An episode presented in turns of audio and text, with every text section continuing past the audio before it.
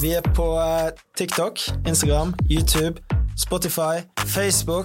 Og ikke glem abonner. Da er vi faen meg live. Det er helt sinnssykt. Sier du play, ikke record?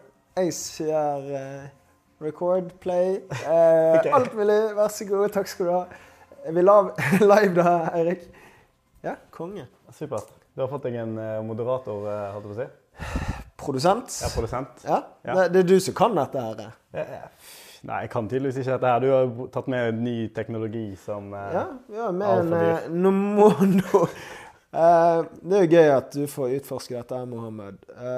Du har jo jobbet som ja, sosiale mediemanager og vloggansvarlig for Alan Walker.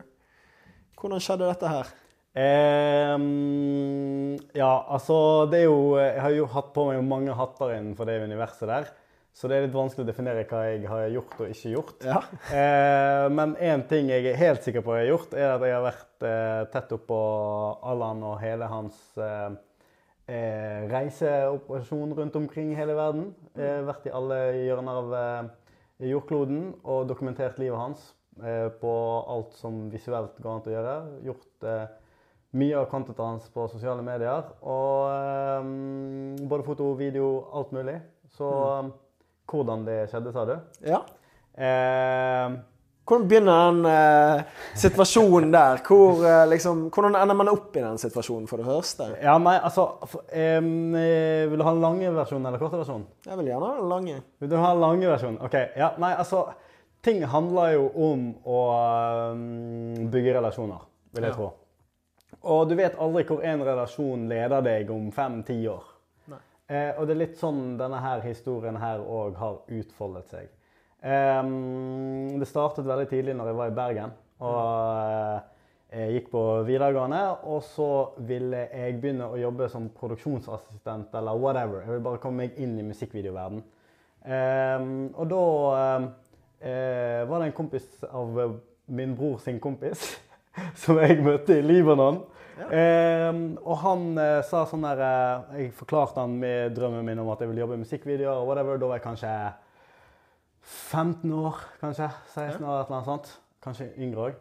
Og så eh, eh, sa han til meg sånn Ja, jeg kjenner eh, Gunnar Greve eh, i Bergen. Og bla, bla, bla. Så jeg bare sånn, ah, ok, kult. Så sa han sånn Jeg kan hooke deg opp med han, så kanskje du kan hjelpe ham med noen musikkvideoopplegg. Så endte det opp med at eh, jeg eh, mm, eh, pushet på det der etter jeg kom hjem til Bergen. Det skjedde egentlig ingenting. Gikk det noen måneder, så plutselig så får jeg eh, en telefon fra Gunnar eller e-mail, eller jeg husker søren meg hvordan vi kommuniserte tilbake i den tiden der. Eh, og da sier han sånn her, Hei, kom innom kontoret, liksom. Det resulterte ikke at jeg ble med i en del musikkvideoer. Men det resulterte til at jeg eh, brukte et par år av livet mitt på å henge opp eh, plakater i pissregn for Gunnar Greve gratis. For å få muligheten til å jobbe på en musikkvideoproduksjon. Ja, det, det er jo ganske store kontraster. da. Ok, Henge plakater i noen år versus å lage vloggen til en av verdens største artister. Ja, Ja, det er... det, man må begynne et sted. Det er det jeg tenker. Ja. Det er derfor jeg sier det, Du vet aldri hvor en relasjon leder deg om fem-ti år, eller et år for den saks skyld. Så um, etter et år eller to så gikk det opp for meg at sånn, jeg har jo gjort jævla mye arbeid nå og egentlig ikke fått jobbe på musikkvideoer. Noe som gikk inn med dette her og tenkte jeg skulle gjøre. det. Og da sa jeg sånn til Gunnar en dag sånn der, Vet du hva, jeg slutter. Jeg skjønner ikke eh, det, Så Jeg får jo ikke være med på musikkvideoproduksjon eller noe som helst. Så han bare sånn OK, greit. Det er noe stress, det, liksom. Så gikk det en uke eller to, og så plutselig får jeg telefon fra Gunnar. Han bare sånn Hallais, Lars Vaular skal spille inn en ny musikkvideo for en uh, sang som heter Rett opp og ned. Har du lyst til å uh, hjelpe til? Så jeg bare sånn Ja, ja, selvfølgelig. Bla. Jeg var dritstoket. Så da endte det opp med at jeg eh, stakk på uh, musikkvideoproduksjon. Var super ready. Det var vinter på den tiden der. Så fant jeg ut at vi skulle Når jeg kom der, da. Så fant jeg ut at uh, vi skulle opp i skogen. Ja. Eh, og der var jo det en halv meter, meter med snø. Og vi skulle ha svære lys, så vi skulle ha strøm til de lysene. Og kablene fra aggregatet til lyset var kanskje 30-20-30 cm i diameter, liksom. Ja, Så det hadde vært bedre å ha noe mono hvor du ikke har kabler, da? Er det det du sier? Eh, hadde vi spilt inn noe lyd, så ja. Men det var bare video. det er musikkvideo. eh, så det endte opp med at eh, jeg dukka jo opp i jeans og joggesko og eh, hettegenser og en tynn jakke. For jeg har aldri vært på eh, filmsett før. Og jeg trass, altså jeg er så trasker inn i all den snøen og er søkkvåt og holder på å dø innvendig etter eh, 12-16 timers arbeidsdag. Eh, så det er til dags dato en av de hardeste produksjonene sånn arbeidsmessig Ja. jeg har vært på. Så jeg startet med et pang, eh, men det har òg lagt fundamentet til eh, egentlig nesten en hel karriere, da. Etter det så har jeg hjulpet i masse musikkvideoer som produksjonsassistent og whatnot. For meg så handlet det ikke om hva jeg gjorde, det handlet bare om at jeg var en del av det, og at jeg lærte. Og så gikk det noen år, så plutselig så um, reiser jeg til USA, jeg gjør min egen greie der, har ikke så mye kontakt med hele det systemet her i Norge. Så kommer jeg tilbake igjen. Hva gjorde du i USA? I USA så um, eh, er det en eh, kvinnelig gründer som heter Silje Vallestad, som var kåret eh, til årets kvinnelige gründer og sånt uh, eh, bak i den tiden der. Hun hadde startet en app som heter BeSafe. Så en sånn antivoldtektsapp som vi hadde altså, som, Vi hadde jo russebuss. Og vi, vi var ikke en tradisjonell gjeng, så vi gadd ikke å selge toalettpapir. Det var liksom sånn, Vi skulle liksom gå den tradisjonelle veien, men så hver gang jeg sjekket opp i om gutta hadde solgt noe toalettpapir, så var det sånn der, ikke en eneste, bare en som heter Stian som hadde solgt til familien sin. Det er liksom det lengste vi kom eh, når det gjaldt å selge toalettpapir. da. Så jeg, eh, meg og Ulrik Skage, som var bussjefen her, vi tenkte vi må finne en ny måte å tjene penger på. Så vi bare ja, vi går på video, kanskje vi bare lager reklamefilmer, da. Så vi lagde reklamefilmer for uh, en appen da, som heter BeSafe. Og det var sånn vi tjente penger til russebussen vår. Um, etter russetiden var over og alt det der greiene der, så holdt jeg kontakten videre med BeSafe. Og så lagde jeg litt content for de her og der. Og så investerte Jada Pinkett Smith i BeSafe. Og da flyttet de hele operasjonen sin fra Bergen til Silicon Valley. Ja. Og da eh, hadde jeg et møte med dem fordi jeg skulle fikse noe videogreier for dem. Og så sa jeg sånn derre eh, Som en joke når de fortalte meg at de skulle flytte til Silicon Valley. Sånn, ja, kanskje dere tar meg med, da? Det har jo vært hyggelig. Ha. Så gikk det noen dager, og så plutselig får jeg e-mail av dem. Bare sånn Hei, vi vil gjerne ha deg med til Silicon Valley. Jeg bare sånn What the fuck? Jeg sitter på folkehøyskole på Danvik og vet ikke hva jeg skal gjøre med livet mitt. liksom. Det, dette var litt før documentary Journey og vlogging var liksom, ja, ja. en greie. Det var vel kanskje før YouTube og- Nei, det var ikke før YouTube. Det var Nei, men det var før Casey Neistat. Ja. Det var før Casey Neistat. Lenge før Casey Neistat. Dette her var på tiden der eh, musikkvideoer begynte å bli en greie på YouTube. ja. hvis man kan si det.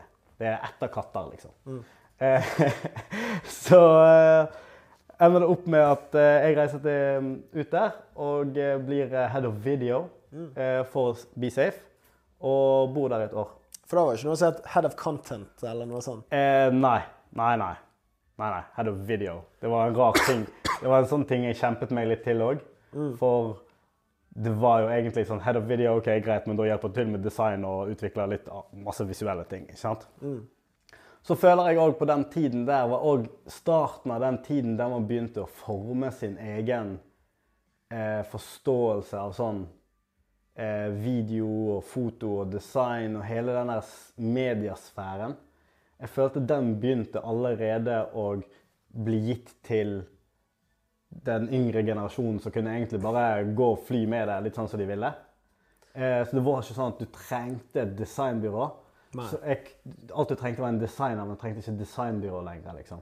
Ja, det, det var Gatekeeperne var ikke så høye lenger for å kunne lage innhold og distribusjon av innhold. Sånn, For det er internett tilgjengeliggjorde for alle å kunne lage innhold, og var det godt nok, så ville folk Nettopp. plukke det opp. Sant? Så det var jo den tiden der liksom sånn Facebook begynte å legge disse funksjonene her for at folk kunne begynne å kommunisere på den måten. Eh, og det tok jo vi eh, i bruk så godt vi kunne, og deretter så ja, var jeg i Silicon Valley, basically. Men der kunne jeg reise en gang i måneden til en kompis av meg som heter Dave Spilde, som også er bergenser. Sinnssykt eh, eh, flink både entreprenør og produsent og alt eh, som medføres der. Ehm, og han bodde med en av eh, mine største eh, inspirasjoner, som var eh, Ray Kay. Han som har produsert musikkvideoer for Pokerface, eh, for Lady Gaga, Britney Spears. Han har til og med lagd Baby, Justin Bieber-musikkvideoen, som er en av de verdens mest sette musikkvideoer. Eh, så han var det hottest shit i Hollywood, og jeg fikk reise ned til de sånn en gang i måneden og bo i huset deres og lære de eh, en helg i måneden. Så det er jeg veldig veldig takknemlig for. Og det fikk lå fundamentet for at drømmen min om å reise til USA og jobbe med film der osv., den ble lagt på hyllen. Men heller at det ble anbefalt å stikke til Norge, bli regissør der, og så komme til USA og si sånn Jeg er regissør. Fordi starter du i USA i ung alder, så starter du på bunnen, og da blir du som produksjonsassistent, men da blir du verdens beste produksjonsassistent. Du, det er vanskelig å jobbe seg opp der, på en måte. Ja. Så stikk til Norge, bygger deg opp som regissør, så stikker du ut der og sier 'jeg er regissør'. Så du kan Ja. starte øverst. Og du har portefølje å vise til. Exactly. Ikke sant? Så da blir det ulogisk for de å eh, plassere deg som produksjonsassistent. Det, det er faktisk veldig fascinerende. For det er litt sånn som Kanye West. da. Når han kom til New York fra Chicago, Ja. så, så tenkte alle at han var bare produsent. Yes, exactly. Og ingen som respekterte han og tok han seriøst når han sa han ville bli hiphopartist. Exactly. Og så, etter fire år med å banke på dører, så får han endelig slippe noen sanger og bare sånn ta verden med storm. Ja, han måtte gå gjennom ekstremt mye. Men det viser jo bare hvor mye eh, det har å si at du tror på ditt, dine kunnskaper, og at du paver din egen vei. Fordi at det er ingen som gidder å gjøre jobben for å tenke på hvem du er for deg. Ikke sant? Det er ingen som skriver din Wikipedia-artikkel. Ikke sant? Så du må lage den sjøl for at du skal få pave din egen vei om hva, hva du er flink på, og hva du ønsker å bli. Em, så, og det er sånne ting jeg, man på en måte egentlig eller jeg ikke visste helt da, men som jeg begynte å lære sakte, men sikkert. Gjennom et sånt tips som det, da, for eksempel. Så nå eh, har jeg kommet meg ut av uh, Silicon Valley. Nå, nå har du kommet tilbake til Norge. Du har funnet ut at du skulle lage musikkvideo og bli verdens beste musikkvideoregissør. For det husker jeg du sa til meg første gang vi traff hverandre for ti år siden. Mm. At uh, Det var liksom første gang vi traff hverandre, så sa du jeg skal bli verdens beste musikkvideoregissør. Innen seks år, sa jeg til deg. så jeg skal bli verdens beste Feil! Nei, det faktisk er et bevisst valg. Og det, det der òg var en veldig vanskelig situasjon for meg. Eh, Jeg kan komme tilbake til den eventuelt. Mm. Men det var en veldig vanskelig sånn der identitetssituasjon som jeg òg lærte veldig mye av eh, underveis i prosessen. Sånn. Men ja, jeg kan komme tilbake til det. Eh, Jeg bestemte meg for å bli verdens beste musikkregissør innen seks år. Stakk til Norge. Gjorde sånn 16 musikkvideoer på et år.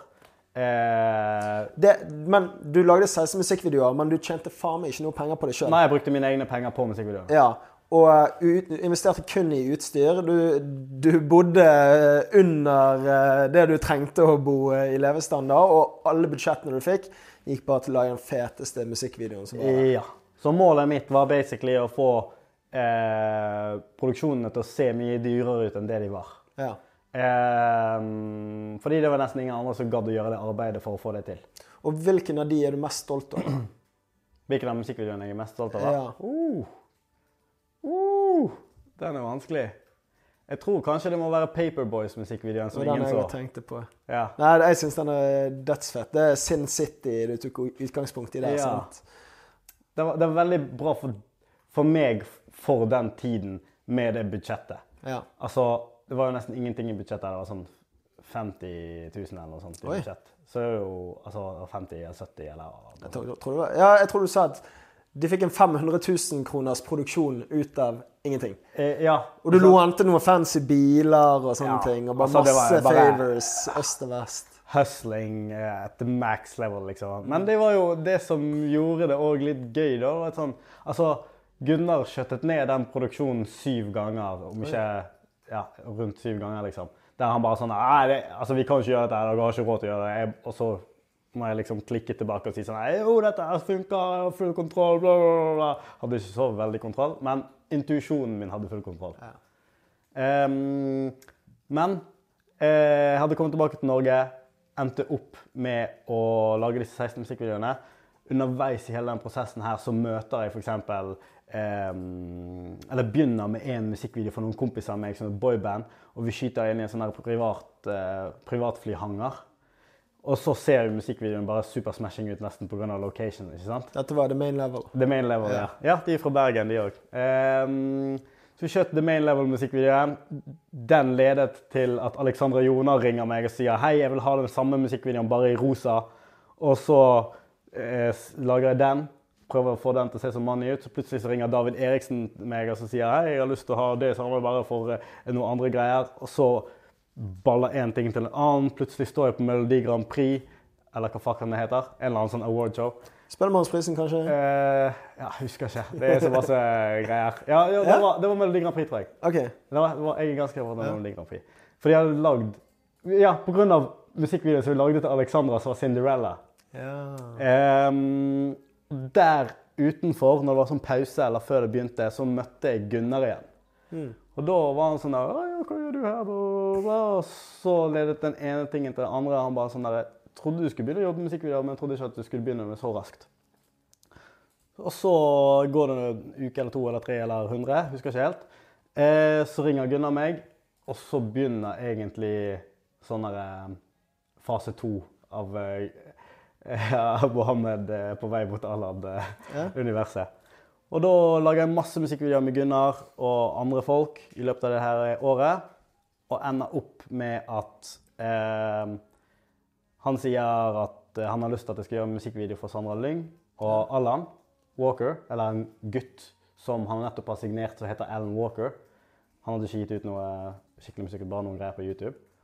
Eh, og så var jeg så utbrent på den tiden der at jeg bare sånn her, vet du hva, dette her, er- det er ikke noe budsjett å gjøre dette her. Jeg kan ikke gjøre disse to musikkvideoene på eh, så lite budsjett. Så nei. Bare at det var skrevet i en jævla lang mail. Ja. Men, men du lagde jo Sandra Lyng. Ja, jeg gjorde Sandra Lyng et par ganger, ja. Ja. Play My Drum og For du dro til eh, hva, Maldivene eh, og spilte inn der? Ja. Vi dro ned et crew på sånn ti stykker eller noe sånt til Maldivene og gjorde musikkvideo for Play My Drum. Det Den hørtes jævlig billig ut å fly ned ti stykker. Ja, men der igjen, hvor mye tror du er, altså, hele den musikkvideoen der, hvor mye tror du den kostet? Uh, 200 000. Ja, den kostet 50. Mm, Men flybilletter, da? Gunnar hadde fikset spons. Ah, OK, ja, greit. Eh, så fikset han spons på opphold, og så resten er bare høsling. Ja. Shit. Ja. Og det, det var det som var hele poenget mitt med den musikkvideogreien. da. Jeg ville vise at man kunne gjøre mer, men det var òg litt den transition inni den nye verden som vi er i nå. ikke sant? Som den tradisjonelle filmverden ikke hadde sett så mye av. Nei, for det blir mer personlig. Men tror du at Jeg tror jo at når du har hatt så lite midler, så har du måttet bli mye mer kreativ og pushe deg sjøl Exactly. og utvikle det mye raskere. For det at du Hadde du hatt uendelig med midler, da har du fått et budsjett på en halv million eller én million, så har du blåst det vekk. Men da har du ikke du dratt i alle mulige strenger og lært alle mulige triksene som gjør at du får en optimal eh, video for null kroner. Det er jo det man eh, forstår òg etter hvert. ikke sant? Etter det har gått et år, jeg har gjort alle disse 16 musikkvideoene, og du får litt mer budsjett. Plutselig så får du 100 000 i budsjett. ikke sant? Så er det litt sånn eh, Kommer like langt med 100 som vi gjør med 30? Det er nesten lettere å få 30, fordi at da kan du si til folk det er ikke noe budsjett i dette her. Og da er folk med på sånne dealer, og du bare wheeler og dealer litt ekstra.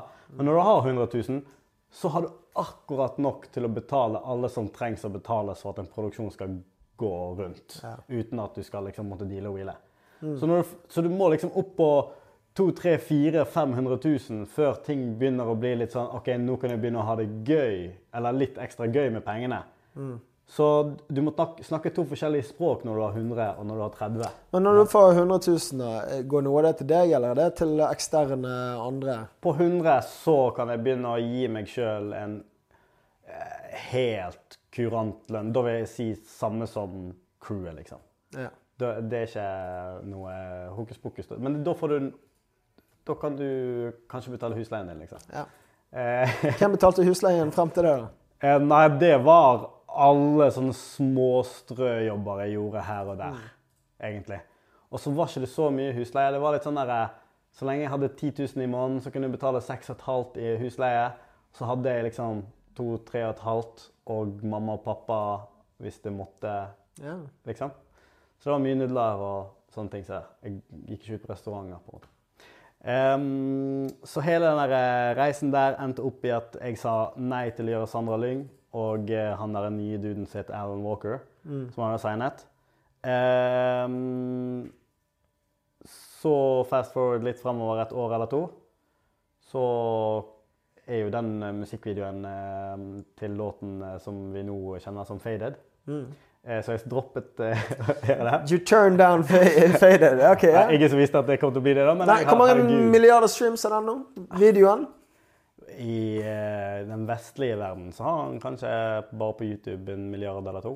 Ja. Men eh, ja, i Kina så har jo den sikkert opp mot ti, ti milliarder, om ikke mer, i det ene landet. Så det er jo spinnvilt. Men det Ja. Så har du streaming. Vet du hva budsjettet var på den uh, faded-videoen? Eh, Nei, det vet jeg ikke. Hva vil du estimere?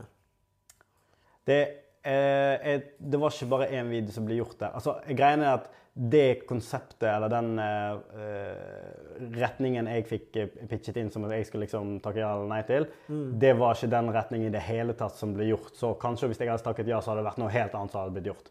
Så det er ikke sikkert. Uh, men det som til slutt ble gjort, er det at det ble en pakkemusikkvideo for tre videoer.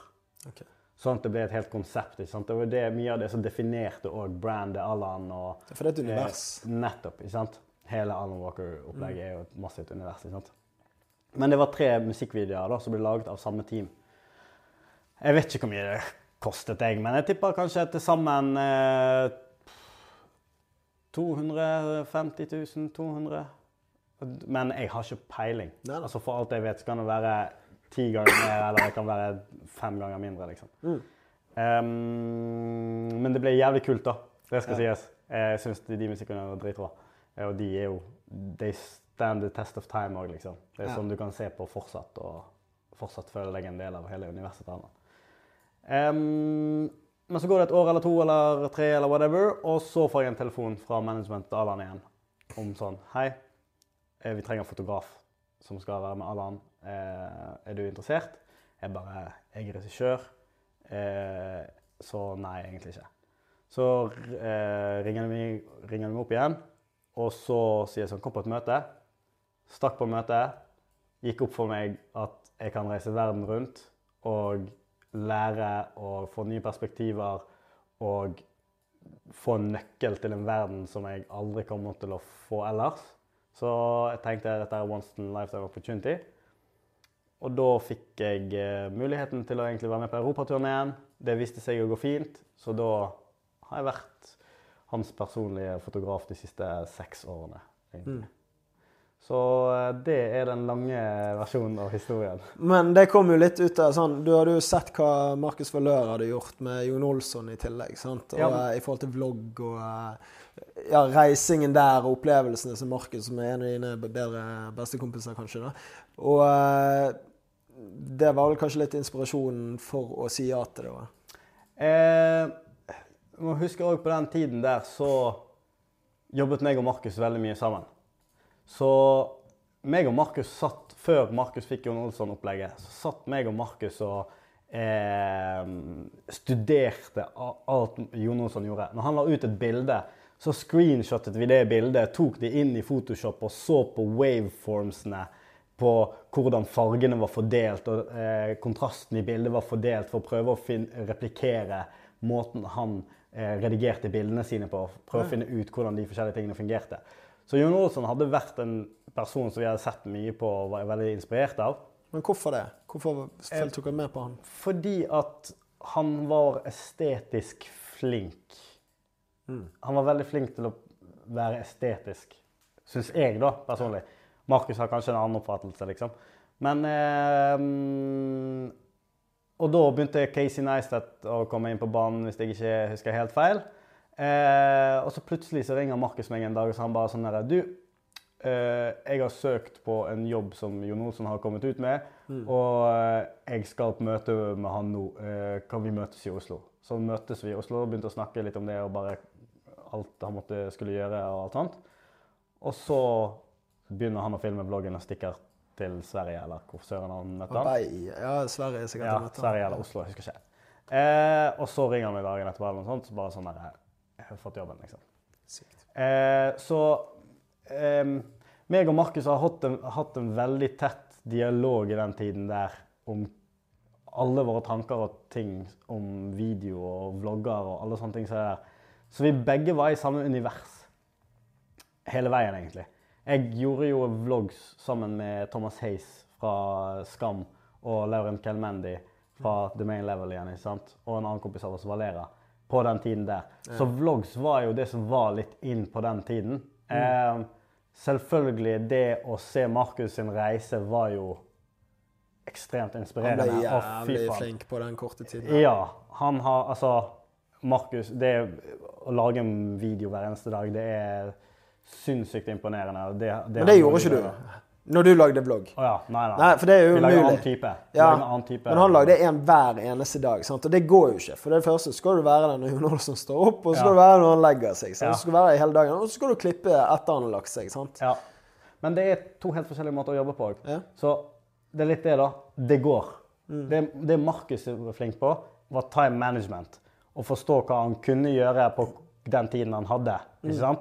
Han visste hvilke valg han skulle ta, som gjorde at det ble mest effektivt resultat. Det ble godt nok. Ja, det ble godt. nok. Han trengte ikke sitte der og jokke med 17 000 effekter for å få den ene tingen til å bevege seg litt på den måten der. Han skjønte hva han skulle bruke tid på. Eh, og han var flink på historiefortelling i tillegg. Eh, måten jeg jobbet på, var liksom han, har, han hadde penger og tid til å bare sitte hver eneste dag med Jon Andersson. Det var den eneste tingen han skulle tenke på. ikke sant? Jeg hadde ikke noen til å gjøre det, så jeg kunne ikke jobbe på den måten heller. Nei, nei. Eh, så jeg tror veldig mange folk kunne ha jobbet på den måten der. Kanskje, de hadde sikkert ikke prestert like bra som Markus gjorde, men mange, det går an å lage vlogg, en vlogg om dagen. Det bare trengs at noen finansierer det, og samtidig dedikerer samme tid tilbake til deg. For det er det Jon gjorde. Han jobbet jo minst like hardt som Markus, han òg. Når jeg var nede der og gjorde litt sånn douchebags-reklame og sånt for dem, så var jo liksom Når du ser på dynamikken til Markus og Jon, så er jo Jon Han jobber 24 timer i døgnet, og livet hans er vlogg... Altså, han lever for vloggen, på en måte. Han viser ikke livet sitt i vloggen. Nei. Hvis det makes sense. Nei, Han booker jo inn ting han skal gjøre, og gjøre ting interessant hele, hele tiden. sant? For vloggen. Ja, for vloggen sin skyld. Ja. Så det er jo Han Det blir jo plutselig ikke så jævlig gøy egentlig lenger. Han skal late som det er gøy, men det blir jo en jobb istedenfor at han bare gjør de tingene som alle andre ville gjort som hadde vært for gøy. Da. Ja, men det er, der, det er det jeg mener da, med at du trenger en annen person som er like interessert i det du gjør, fordi plutselig blir det gøy. Ikke sant? Det, det der var ikke en jobb for dem, det er en livsstil. Ja. Eh, og det gjør at plutselig så Hvis bare Markus hadde higget til at det skulle være dritfett hele tiden, og så har han en person som ikke er så keen på å gjøre ting, så blir det plutselig sinnssykt mye vanskeligere for Markus å gjøre det der hver eneste dag, og han som må bære lasset konstant. Men de bygget hverandre og dro hverandre Yes. begge to. da. Sant? Det var, derfor, det var sånn jeg eh, oppfattet det, i hvert fall Ja. underveis. Men du kom ned til Marbella, og du skulle lage douchebags-reklamer. Ja, så jeg eh, Det som var litt kult òg på den tiden, der med douchebags og hele miljøet, det nye sosiale mediemiljøet, på en måte, det var jo at alle sammen var brant for liksom, det å lage content. Når det var solnedgang, så var, skulle alle sammen ut hver eneste dag klokken 5.30, fordi at da skal det være bilder, det skal være filmshoot, det skal være liksom Alle sammen visste hva de ville lage. ikke sant? Eh, og man kunne liksom Jeg kom ned der, skal ha ansvar for reklamefilmene, f.eks. Så en annen person som kom ned der, som har ansvar for foto for reklamene, eh, eller for produktene. Så har du Markus og Jon som lager vloggen. Plutselig på den uken der så hadde vi produsert så mange ting til så mange forskjellige plattformer, men på samme grunnlag. Hvor viktig er det å ha den kulturen med at alle er i samme mindset og vil eh, utvikle seg sjøl til å bli liksom Pushe hverandre, da. Det er ingen som holder igjen. Alle, liksom, du har jo ikke lyst til å være dårligere enn han andre som vil ned og se solen i gangen. Så det løfter hverandre opp kanskje til et nytt nivå. Det spørs litt på hva målet ditt er, da.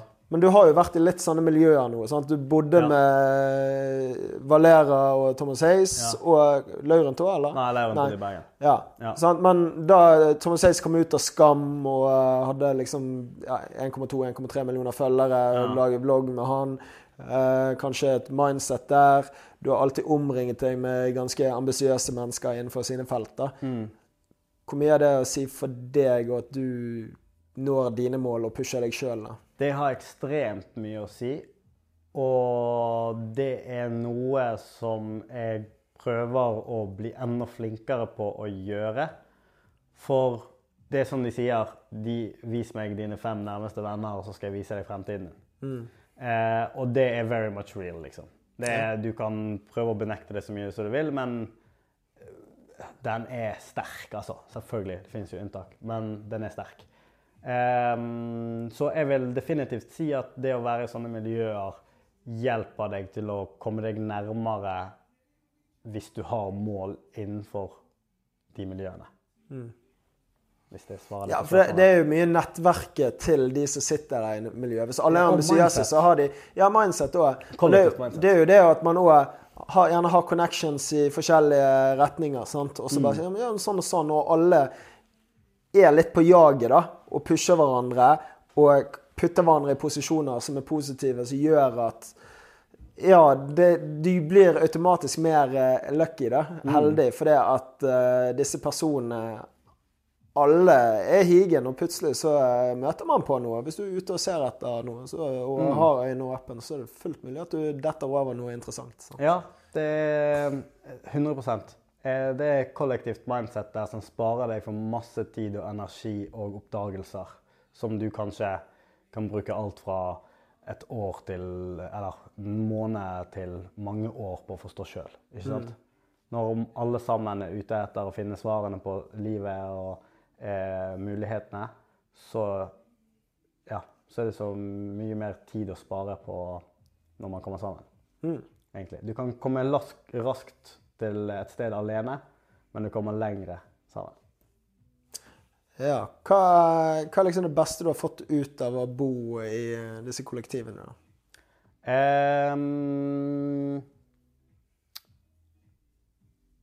perspektiv på hvordan ting kommer og går og forandrer seg. Så det jeg mener med det, er basically at du skjønner at alt Denne dagen vil òg passere. Om det er en utfordring som skjer eh, nå som man ikke greier å løse, eller et eller annet, så kommer det en ny dag i morgen. Mm. Det Når man var yngre, så var det veldig sånn her ah, 'Nei, dette her må skje nå.' Eller eh, 'Å, shit, dette her skjedde. Å, fuck. Ah, nå kommer jeg aldri til å greie å få en jobb igjen.' Eller bla, bla, bla. Det er ikke sånn ting fungerer. Nei. Du Så lenge du jobber og er persistent på at du skal bli bedre og gjør det du kan gjøre for å bli best i det du har lyst til å bli best på, så beveger du deg nærmere på en eller annen måte. Det compounder oppover. Ja, Og Ja. over lang nok tid så blir det ganske mye bedre. sant? exactly. Men nå lever vi i en verden på sosiale medier hvor alt skal skje nå. Og eh, du ser liksom på Instagram hvor du følger topp 0,01 innenfor eh, det du interesserer deg i, og du forventer at du skal være på samme nivå som de, og at det skal skje like fort som det har skjedd for de. exactly. Og så Ser ikke du arbeidet som de egentlig har gjort for å komme der heller. Ja, du vet, du har faktisk ikke peiling på eh, hva som har gjort at de har kommet i den situasjonen i det hele tatt heller. sant? Så eh, det er, jo, det er jo en av de tingene som er mest interessant når du treffer veldig mange suksessfulle mennesker. Og så ser du bare sånn, De er jo egentlig bare normale mennesker, og de har sine Mm. utfordringer. Og de, er- de er ikke like effektive og, eh, som du gjerne tenker at de er for å nå de målene. Det er bare jævlig mye hardt arbeid, men over veldig lang tid. da. Ja, consistency. Og så har du vært litt heldig her på veien, gjerne. Og så eh, har du hatt kanskje riktige eh, venner og miljø og vært rundt de, og de har løftet deg i riktige Ja, det tror jeg har veldig mye å si. Sånn som f.eks. i Norge, da. En ting som jeg syns er litt kjip, eller en ting som jeg ikke greier å finne så mye av i Norge, er folk som trenger å ville mer. Altså, vi har det så bra her i Norge at hvorfor skal du ofre en komfortabel livsstil for å nå noe som du egentlig ikke trenger? Nei, Og det gjør at vi har et veldig stabilt land som er helt fantastisk topp tre land å bo i i verden, kanskje. Eh, men det gjør òg at vi For meg, da, som har lyst til å yte mer, så føler jeg at jeg mangler mange mennesker rundt meg som kan ha sånn Så bare se for deg sånn der, det Logan Paul-huset, ikke sant? Mm. Som han startet, der han hadde liksom all, leide et hus eller kjøpte et hus, eller hva søren han gjorde. Så bare hadde han alle kreatørene der. Og så bare var det eneste de skulle gjøre, er å lage content. Så jeg var, jeg var i LA på, hos det der Face Clan-huset eh, sammen med Newbork og um, en annen person fra Face Clan, eh, Ørjan. Eh, og der, hver eneste dag, så sitter alle de Face Clan-medlemmene og egentlig bare lever livet sitt, men livet deres er, er content creation.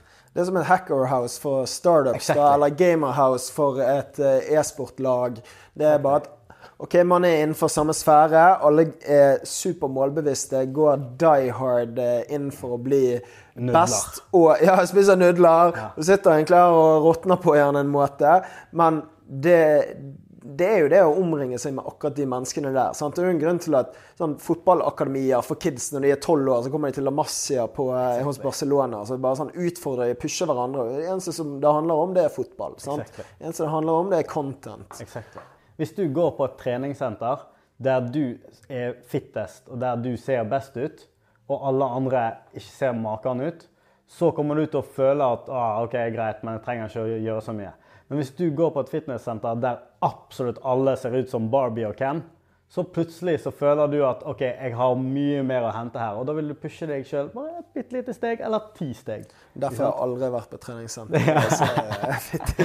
Nei, det er ikke det at jeg har vært mye treningssenter sjøl, men bare for å dra metaforen, liksom. Nei, men sånn, eh, er jo en liten sånn eh, utenfor Bergen-turneen. Du er jo bergenser, så det er jo awesome. Men uh, Fra Øystese Hardanger, men Ja, du ser Dang konvertert bitte litt. ja.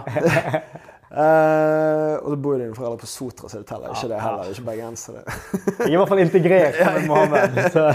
Integrert. Ja, det står jo Hva står det på døren din? Det står dørene? Karlsen utenfor huset. Hva er det, Karlsen? Jeg er utleie. utleie. Nei, så eh, Men sånn i, når jeg var i New York nå, da, Mm. eh, intervjuet tre personer, og gjengangen var jo litt det som du sier, da, at det å komme til New York, ok, det er beinhardt arbeid. Du, du har egentlig bare helgene hvor du har liksom livet utenom. da. Ellers går det i jobb, jobb, jobb, jobb. Mm. Og eh, det er døgnet rundt. Og så skal du gjerne ta vare på helsen og trene litt. Grann, men, og du har store nedsider, og du har store oppsider. sant? Mm. Du kan bli hvis du er god nok, så kan du bli uendelig stor. Og hvis du eh, ikke er god nok, så faller du gjennom eh, hullet. sant?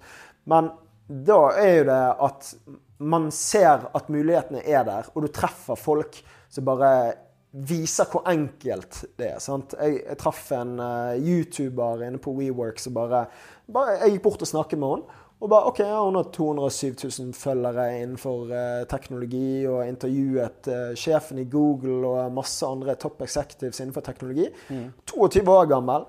Holdt foredrag på Harvard og Cornell og for Kongressen. Og, og så er det sånn Shit. Det er bare OK, hvis du treffer hunden Kombinerer det med et par i hundenes nettverk, finner et par andre, og så bare sånn geeker du ned i det der, og så løfter du hverandre. Og så lærer du noen triks da i forhold til Ja, men jeg gjør det når jeg spiller inn. Og da, plutselig så løfter du din egen produksjon.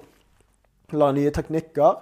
Og, eh, og du kan gjerne krysskonvertere på hverandres følgere, eller hva det måtte være. da. 100% Det er Det er så enkelt, eh, egentlig. I Norge så har jo det litt sånn altså, Det som er litt utfordringen med Norge, er at det er så få mennesker her at du får ikke møtt nødvendigvis de riktige menneskene til å ta deg opp de nivåene. Sånn du kan f.eks. ta det der eh, foredraget på Harvard.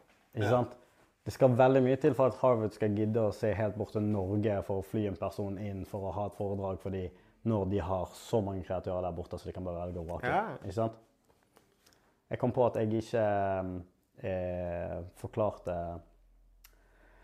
hvorfor det var vanskelig med eh, det der musikkvideoidentiteten. Og jeg husker at Ja. når jeg hører på vlogg, nei, når jeg hører- podkaster så blir du irritert. Ja, jeg blir så Ja. irritert når folk sier 'jeg skal snakke om det', så snakker ikke de om det. Nå hopper vi over på det, da. Eh, jeg kan, ja, hvis du vil, så kan jeg legge det inn for seeren din. Nei, nei. Eh, OK, la oss ta det etterpå. Men én ting jeg vil spørre deg om først, det er jo liksom Nå, nå har du vært litt, reist litt rundt uh, i verden i det siste. Du har eh, sluttet å jobbe med Ellen. Og så har jeg hørt rykter om at du vil lage et litt sånn Creator House. Uh, stemmer det? Eh, nei, egentlig ikke. Okay. Altså, jeg har jo alltid hatt lyst til det. Men eh, det er ikke et, For meg så tror ikke jeg det er der fokuset ligger akkurat nå. Det er veldig viktig for meg å være med folk som pusher meg videre, og som har ambisjoner i livet osv. Så, videre. eh, så sånn sett så kommer jeg til å forhåpentligvis være i et hus der det er flere folk som har deler samme type ambisjon. Men det skal ikke være type Logan Paul Creator House der Nei. vi skal lage content. Det er snakk om ambisiøse mennesker som vil bygge noe. da, At du samler, Ja. lager en samling der, og så eh, vil dere bo sammen og løfte hverandre opp i forskjellige Exactly. områder. da. Exactly. Vi må jo bo et sted, liksom. Ja. Så da kan man like godt bare bo sammen med folk som inspirerer deg, og eh, som kan løfte deg videre, liksom. Og som kanskje ikke gjør det akkurat det samme som deg, sånn at du faktisk òg får eh, større forståelse av eh, det du sjøl holder på med, og hva verden egentlig har å by på. Mm.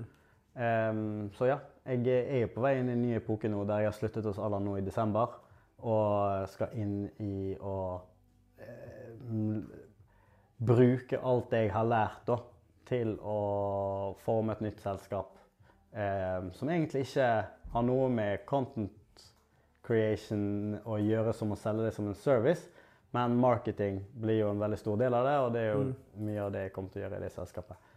Men før vi hopper over på den delen, så må vi snakke om identitetskrisen Ja, din. Og, ja.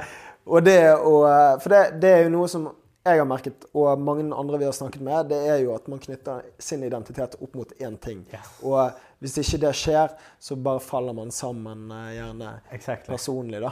Og eh, da var det å bli verdens beste musikkregissør. Ja, jeg liker at du allerede greide å resonnere med eh, det lille jeg sa tidligere. Fordi at det er akkurat det som skjer. ikke sant? Og på den tiden, det var første gangen jeg eh, sa til, eh, gikk ut og liksom sa til meg sjøl og til alle rundt meg at jeg skal bli verdens beste musikkvideoregissør innen seks år. Og så går det to-tre år, og så har du gjort har du kommet mye lenger enn det du forventet at du skulle komme. Men så har du òg lært ekstremt mye i livet. Og når du da begynner sakte, men sikkert å skjønne at kanskje ikke det er det jeg vil gjøre likevel, men det er jo det som har vært identiteten min. Eller I begynnelsen så skjønner ikke du at det er det som har vært greien. Du bare skjønner ikke hvorfor du ikke har samme lidenskap for å nå det seksårsmålet ditt lenger. Det du har lovet alle andre at du skal gjøre. Ja, men før, først begynner det ja, eh, ja, egentlig så begynner det å bli litt sånn der Ja, men jeg har sagt til alle sammen at jeg skal gjøre det. Eh, som holder deg accountable. Men så når du begynner å reflektere overfor det Mange går jo bare sånn der Fortsetter videre fordi at de ikke tør å reflektere. Ja. Men jeg, jeg var heldig og reflekterte og bare begynte å forstå sånn derre er dette her noe jeg virkelig vil gjøre, og hva skjer hvis jeg faktisk bare driter i hva jeg har sagt til folk og til meg sjøl? Hmm.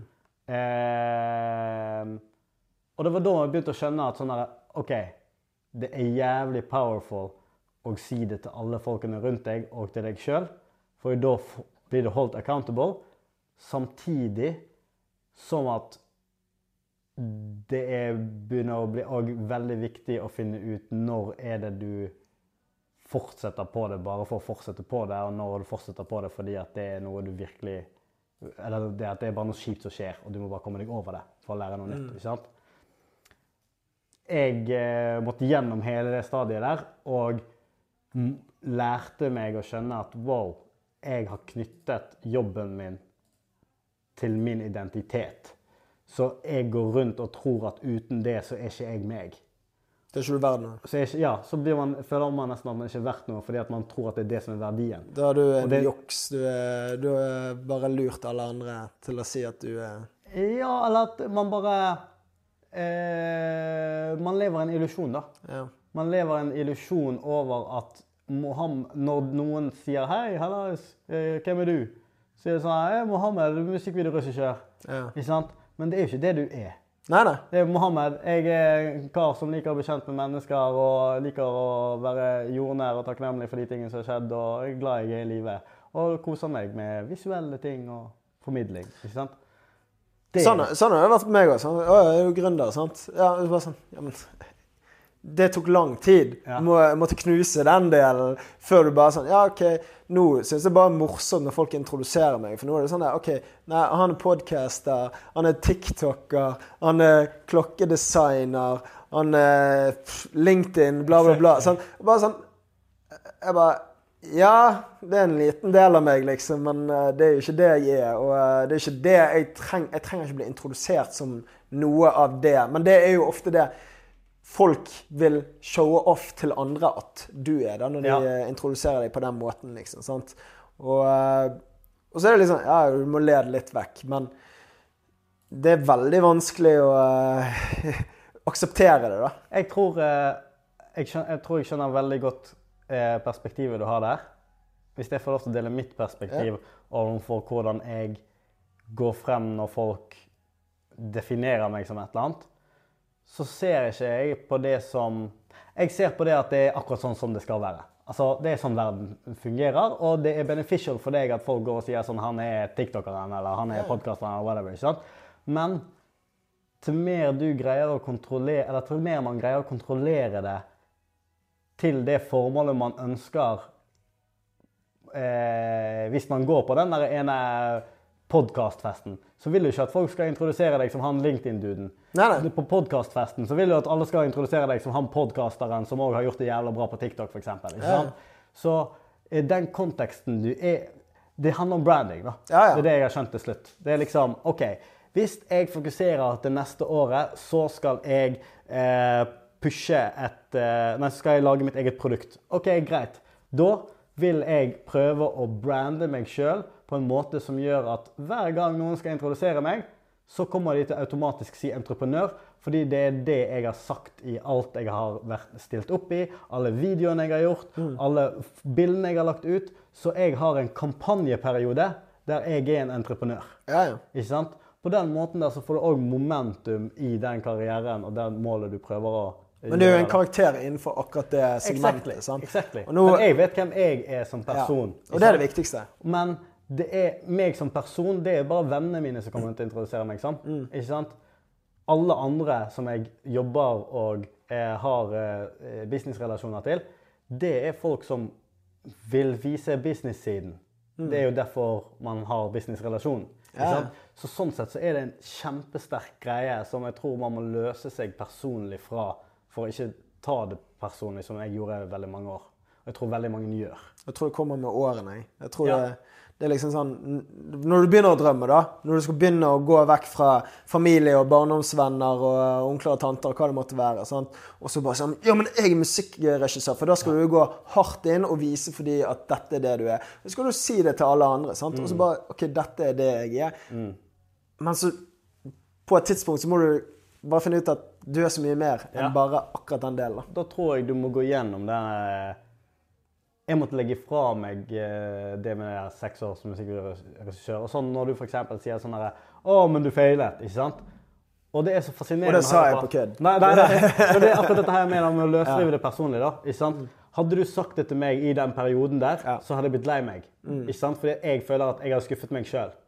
Men i og med at jeg har vært, var gjennom den perioden og begynt å skjønne at ja, men det er jo ikke meg. Altså, det der bare én ting jeg hadde lyst og jeg kjempet for og gjorde veldig bra arbeid for å komme til. ikke sant? Men jeg vil ikke gjøre det mer. Så skal jeg leve andre sin eh, ønske om hvem jeg skal være. ikke sant? Ja. Eh, og det blir jo helt idiotisk, men det er så sinnssykt mange som gjør det. Eh, men når man lærer den delen der, så greier man å høre på at noen sier f.eks.: 'Å, du feilet', ikke sant? Fordi at jeg ser perspektivet, de, linsen de ser det gjennom. Men de ser nødvendigvis ikke hvordan jeg ser livet mitt. og Derfor føler jeg meg komfortabel, for jeg vet hvem jeg er. Jeg vet hvor jeg har meg sjøl. Og det der er en businessgreie. Det er ikke en personlig greie. Det er ikke noe, jeg har ikke sviktet noen på et personlig nivå. Når lærte du å gi faen i hva andre synes? da?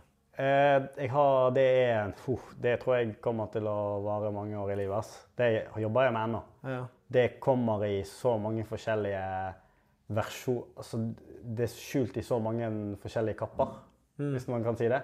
Du, du tror at du ikke bryr deg om hva folk eh, mener, så plutselig så bare reflekterer du over en ting du gjorde, eller en eh, situasjon, der du bare sånn Holy shit. Jeg, gjorde, jeg var kanskje redd for det der fordi at jeg var redd for hva folk tenkte. Jeg, jeg hadde nettopp en sånn realisjon... Jeg tror man har det hele tiden. Ja, og bare sånn Nei, det var, det var faktisk eh, 1. februar nå, altså 11-12 dager siden. Ja. Det var en bursdag, barndomsvenner, og så bare eh, skjønte jeg at For det første, sant, når du har barndomsvenner, så har du et hierarki som bare Ja. sitter der fra barndommen. sant? Og så har jeg alltid vært nederst på det hierarkiet. da. Ja. Og det er jo ikke jeg i alle andre settinger. Mm. Sant? Da er jeg gjerne eh, en av de øverste på hierarkiet, Mm. som regel. Og så står jeg alltid og prøver å klatre i det hierarkiet, men jeg blir bare skjøttet ned hver eneste gang. sant? Bare Mm. Kom deg tilbake på plassen din. sant? Og, og det er bare noe som skjer naturlig, sant? som de dyrene vi er. Så bare sånn OK, du er nederst i hierarkiet, Pål. Sorry. Men, og så har jeg da prøvd å eh, klatre på bekostning av eh, en, han som er ett hakk høyere enn meg i hierarkiet. Og så hadde han syntes det har vært veldig irriterende. Og så hadde vi en uh, ganske dyp samtale, jeg og to andre kompiser, om akkurat dette her. Og så jeg, fikk jeg fortalt at ok, han syntes det var veldig frustrerende og irriterende at jeg sto og negget på han og prøvde å klatre på uh, skuldrene hans for å komme opp. da. Eh, og så syns jo jeg det personlig er veldig frustrerende at OK, jeg får veldig mye utvendig applaus for mange av tingene jeg gjør, men jeg får aldri det der, da. Ja, ja. Og så er det sånn Og det gjør at jeg prøver ekstra hardt. Ja. Og da, da bare sånn Fy faen. Ja, men jeg må bare slutte å prøve å skulle få applaus, i hvert fall der. For det har liksom Egentlig har det fuck all å si, men det er liksom Det ligger bare der. ja.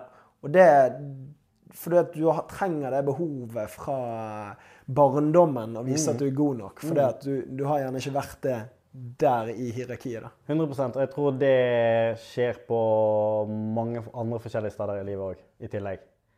Og den kunsten å greie å løsrive seg fra det å bare være sånn Hvor er det jeg har meg sjøl? Hvordan setter jeg pris på meg sjøl og de tingene jeg gjør for meg sjøl? Ikke sant? Du vet hva du har gått gjennom for å komme til der du er i dag. Om det er toppen for noen og bunnen for andre, spiller ingen rolle. Så uansett om, du er, om man er i en sånn vennesituasjon, så er det liksom sånn OK, så lenge de respekterer meg for den jeg identifiserer meg som, eh, på et sånt eh, identity-nivå, eh, så kan ikke jeg forvente noe av noen andre. Og det er der Litt sånn der Jesus-vibes. Så der, du skal forvente av alle du vil at de skal forvente av deg. Ja, du skjønner hva jeg mener. Du skal være mot andre, slik du vil at andre skal være mot deg. Utlending. Det, folk vet hva det er.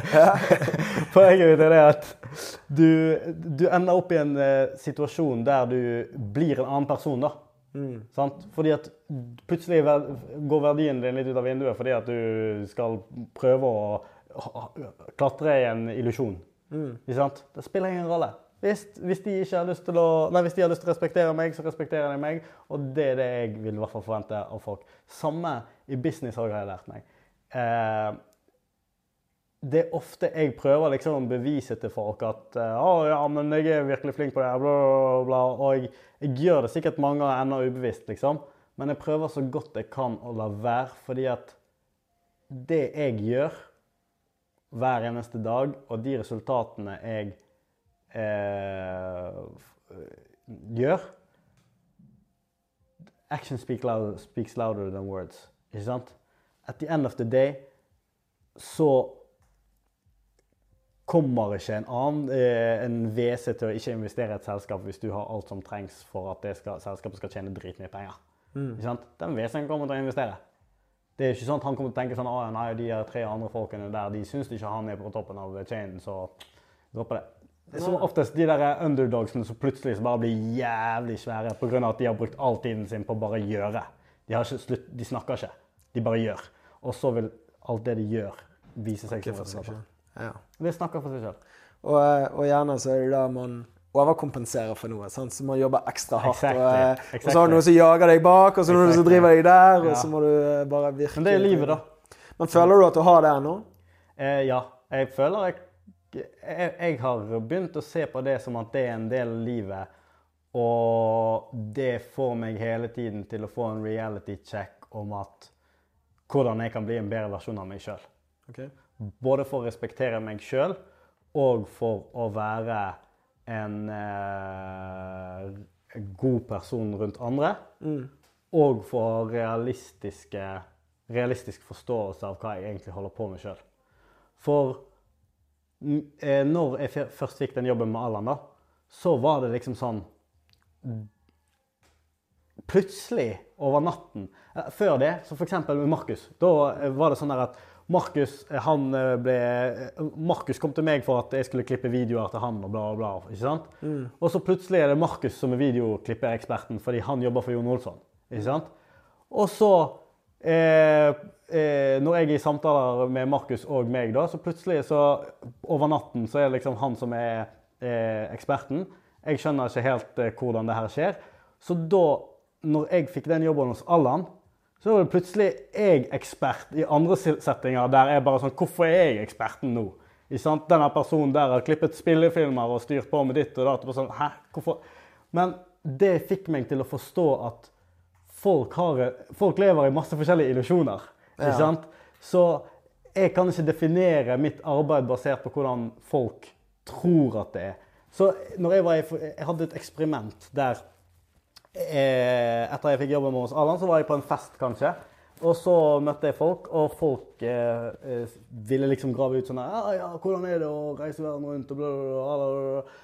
Og da var jeg sånn her eh, Prøvde å være sånn her, være veldig sånn eh, Nei, det setter pris på det, veldig takknemlig, eh, hele den regelen. Sånn som jeg har lyst til å være som person. ikke sant? Men så merker du at det er ikke det folk vil ha. Folk bare syns det er drittkjedelig. Så de bare egentlig bare føler nesten at du eh, er ignorant over det hele, eller du Ja. Du stopper veldig fort. Og så tenkte jeg sånn her Dette her er veldig fascinerende. Så nå neste uken så skal jeg bare gå inn, og så skal jeg si alle de tingene eh, som eh, Folk vil høre? Nei, ikke folk vil høre. Nå skal jeg si alle de tingene som jeg faktisk opplever. Ikke sant? Så eh, sier du til meg sånn ja, hvordan er det å reise verden rundt? Og så har jeg f.eks. tatt Kom meg hjem med privatfly i går, da, for eksempel. Så sier jeg sånn her «Nei, Vi eh, var på sykeste festen, det var 10 000 mennesker, kjøpte billetter bare for å komme og se på Alan. Så var vi backstage, så drakk vi som søren. Og så eh, spilte vi konserten og hadde en dritgøy fest etterpå der vi fikk møte Martin Garrix og hele gjengen. Og så tok vi privatfly, landet her i går. Eh, og nå er jeg her, da. Jeg er ganske sliten, men eh, jeg er jo glad for å være her. ikke sant? Plutselig så går folk rundt og tenker at du er bare en kokk i gjerdet. Så er det sånn OK, du vil høre du, du spør om noe du egentlig kommer til å dømme meg overfor. Og så Hvilken versjon skal jeg gi deg? Ikke sant? Og det er da jeg begynte å skjønne sånn her, det handler ikke om hvilken versjon jeg skal gi dem. Det handler om hvilken versjon jeg vil gi til meg sjøl. Og det var en veldig sånn stor og fascinerende forståelse da, når jeg begynte å kjøre litt sånn eksperimenter på det. At jeg kunne til og med si til mine gode venner sånn eh, De spør hva, hva skjedde. Så skjønner jeg at OK, greit. Hvis jeg sier dette her, så kommer eh, de til å synes at det er cocky eller bla, bla, bla. Så da begynte jeg å si hva vil jeg høre for meg sjøl? Hvis jeg hadde sagt dette til meg sjøl, hva vil jeg høre? OK, jeg vil ha den mer personlige opplevelsen. Jeg driter i om jeg var i privatfly, egentlig. Jeg kan si det som en kjapp bisetning, fordi at det var en opplevelse som jeg personlig syntes var fascinerende siden det var første gangen, eller whatever. Men jeg trenger ikke si det hvis det har skjedd fem ganger. Jeg trenger ikke si det hver eneste gang. Nei. Jeg forteller om meg og mine personlige opplevelser. Sånn som eksempel, å ja, jeg var på hotellrommet, og så var det sykeste og fineste viewen. Jeg er så takknemlig for at jeg hadde det. ikke sant? Og når jeg begynte å se ting på den måten der, så merket jeg at jeg ble mer kjærlig med meg sjøl, og folk rundt meg òg eh, eh, behandlet, Eller folk rundt meg òg ble behandlet på den måten jeg ville at jeg skulle føle at behandlet de òg. Altså, det var gjensidig. ja.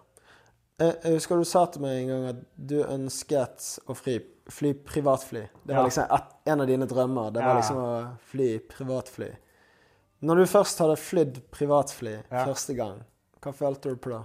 Jeg har eh, en video, jeg tror det var Allan som filmet meg, fordi at han visste dette her. han også. Og så sitter jeg på det flyet, kommer jeg inn, Og så ser så bare jeg jo smiler jeg fra ja, topp til tå. Um, og prøver litt sånn halvveis å skjule det, men egentlig ikke, fordi jeg er meg. så jeg setter meg ned og så bare begynner jeg å danse og styre på. Og så begynner jeg å trykke på hver eneste knapp jeg kan trykke på. Så i den videoen så ser du meg stå her og danse sånn. som. Så sitter jeg og trykker opp og ned på vinduet og på sånne musikknapper og bare alt mulig drit. Og så føler du egentlig bare en sånn derre Man skulle tro at man skulle liksom føle sånn der Oh shit, I made it. Men det er ikke den følelsen du får. Du går bare inn, så er du som å sitte en, et nytt rom. Det hvis du går inn i et nytt hus der det er ny funksjonalitet på vinduet, og det er uh, høyttalerfunksjoner i veggen og sånt, så er det litt samme følelse. Det er som å få en PlayStation 5, og så spiller du på den i en uke. Helt riktig. Og så har du ønsket deg den PlayStation i et år, Helt riktig. og så blir du lei av den på en måte etter hvert. Bare sånn, ja, men Lykkefølelsen den stopper opp, da. Du har en reality check med Ja. hva du faktisk holder på med. Ja. Ikke sant? Da sitter jeg og spiller et spill. Mm. Ikke sant? Sammen med VR. Ta på deg VR-headsetet første gangen er det bare holy shit, så fett. ikke sant? Og så har du vært i VR i en halvtime, så begynner du bare sånn her, ja, men jeg kan se de her greiene på siden. og... Ja. Så, og det samme skjer jo litt med sånn privatfly i Allan-verden. Der er jo det sånn Hvis vi har privatfly, så er det mest sannsynlig fordi at vi skal være i fire forskjellige land på 48 timer. Det betyr ekstremt mye jobb, det betyr lite søvn. Så når du har holdt på med det i seks år, innimellom der, så er det selvfølgelig Jeg er jo ekstremt takknemlig for alt jeg har vært gjennom der, men du eh, ser jo òg realiteten av hvorfor du tar et privatfly. ja. Ikke sant? Spesielt i Allan-systemet, der det er viktig for han å ikke eh, eh, slippe ut mye emisjon og alt det der greiene der. Vi tar jo rutefly nesten hele tiden. ikke sant? Men hvordan er dette på helsen din, da? Når du jobber jo eh, Dere flyr døgnet rundt, dere har alle mulige tidssoner. Hvordan klarer du å eh, ta vare på deg sjøl oppi alt dette? Det er jo eh, en av eh, de grunnene som gjør at jeg òg tok valget om å slutte. da. Mm. Det er jo fordi at jeg har gjort det, reist verden rundt i seks år og har fått opplevd ekstremt mye og heldig som jeg er. Eh, men så kommer det til et punkt òg der du føler at du repeterer ting. At du gjør det samme om igjen og om igjen, og at du føler kanskje ikke at eh, du vokser like mye som du skulle ønsket. Og da begynner man å tenke sånn Hva er det jeg får igjen for å ofre helsen min? Mm. Ikke sant? Så det er en av grunnene til at jeg òg valgte å slutte. i det At jeg følte at jeg fikk ikke eh, jeg, jeg ville ikke investere helsen min mer i det jeg fikk, basically. Og hva har du ofret av helsen din da, i de seks årene? Er det den viktigste aspektet av hele helsen, som eh, er vel søvn. Ja. Eh, det er en sånn ting som ja, basert på all forskning og alt sammen altså bare sånn, Sov, for faen. Eh, og det er sånn, Spesielt når vi går tilbake til sånn Creative House og alle de tingene der, og Hacker House og alt det greiene der, så er det sånn grind, don't sleep. ikke sant? Ja. Alt det kommer jo til å forandre seg nå de neste 5-10-20 årene. liksom. Absolutt. Det kommer til å bli en helt annen verden. Og der er det sånn LeBron James har eh, På call-mappen så har han en sånn sleep story. sant? Ja. Og han sier jo at han han sover åtte timer, og så har han naps innimellom i løpet av dagen. Men alt skal være bekmørkt inne på hotellrommet. Uansett hvor de spiller kamper, skal alt tilrettelegges på det. Da, fordi at søvn er det viktigste for han. da. Fordi at Du vet jo hvordan du er når, til og med når du sover syv timer istedenfor åtte timer. gjerne, sant? Så bare sånn Ja, OK, nå mangler jeg litt. Sant? Så er du ikke helt på. Og av og til så må du bare Eller som regel må du være 100% på når du er i din verden. Men hvor mye sover du normalt da når du er ute på turné og reiser? Hvor mange timer er det da? Eh, det varierer ekstremt. Det er derfor det òg fucker opp søvnen enda mer. Ja. Ikke sant? Fordi at du har ikke noen kontinuitet.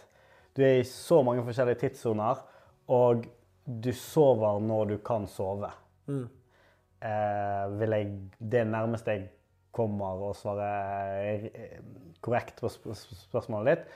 Men la oss si gjennomsnitt gjennom alle seks årene kanskje tre til seks timer, ja. kanskje. Sykt. Og så selvfølgelig er det mange dager der vi ikke sover i det hele tatt, nesten. Der det er 38 timer, 48 timer, og så får du sove en halvtime, en time. Sover liksom på fly, da. Ja. Hvis flyet varer i to timer, så får du sove én time, kanskje. For det er jo det folk misforstår. De tror at du reiser jorden rundt og får sett alt mulig i verden. Og så ja, kanskje du får sett et par ting, liksom, sant? og du får tatt noen kule bilder. Men du er på jobb. Du er der for å skape det beste for Ellen da, når han er ute. Du er ikke der for din egen del og for å oppleve ting. Eh, sant? Men du, du bygger jo et ekstremt nettverk her, da. Eh, du, du kjenner jo alt som beveger seg i musikkbransjen i øverste nivå, eh, så å si nå. Og eh, hva du har lært mest av relasjonsbygging med alle disse kjente personlighetene som du treffer på, på veien? Hva er det som hvordan behandler man disse som gjør at eh, de skal slappe av og ville ha en samtale med Mohammed og ville holde den relasjonen videre? Eh, de, eh, de vil egentlig ikke ha den samtalen. Du Det er derfor jeg starter med å si at du får en nøkkel til en verden som ingen andre har. Så sånn sett det er, det er to steg til denne prosessen her. Første steget er å få den nøkkelen i det hele tatt. Ikke sant? Den nøkkelen er ekstremt vanskelig å få. Hvis du tenker over at livet til da, så er han enten hjemme med familien, eller så er han på et skjema der han skal gjøre A, B, C, D, som er allerede ferdig planlagt. Så muligheten for å bompe inn i Allan i riktig tidspunkt der han gidder å snakke med deg, eller har tid til å snakke med deg, det er nesten ikke eksisterende. Er du med? Og hvis han skal snakke med deg fordi at det er i skjemaet, så er det mest sannsynlig fordi at det er planlagt at det skal være en meet and greet. Og da vet han at OK, dette kommer til å ta fem minutter, eller dette kommer til å ta en halvtime, eller dette kommer til å ta to timer, eller whatever. ikke sant? Så da går jo de forskjellige folkene inn i, eller forskjellige stjernene inn i forskjellige mindsets. Så for eksempel, da eh, Den beste måten jeg har funnet ut å gjøre det på, er å være meg sjøl. Når det er naturlig å snakke, så snakker jeg. Når det er ikke naturlig å snakke, snakker jeg ikke. Hvis jeg er heldig å møte den personen to, tre, fire, fem, seks ganger, så plutselig så er det naturlig for den personen å behandle deg som et naturlig menneske. For hvis du ser på alle andre rundt, så gjør de det stikk motsatte. De tenker 'jeg har bare så liten tid', nå må jeg få den personen til å konverteres til å bli min venn. De overkompenserer. De overkompenserer.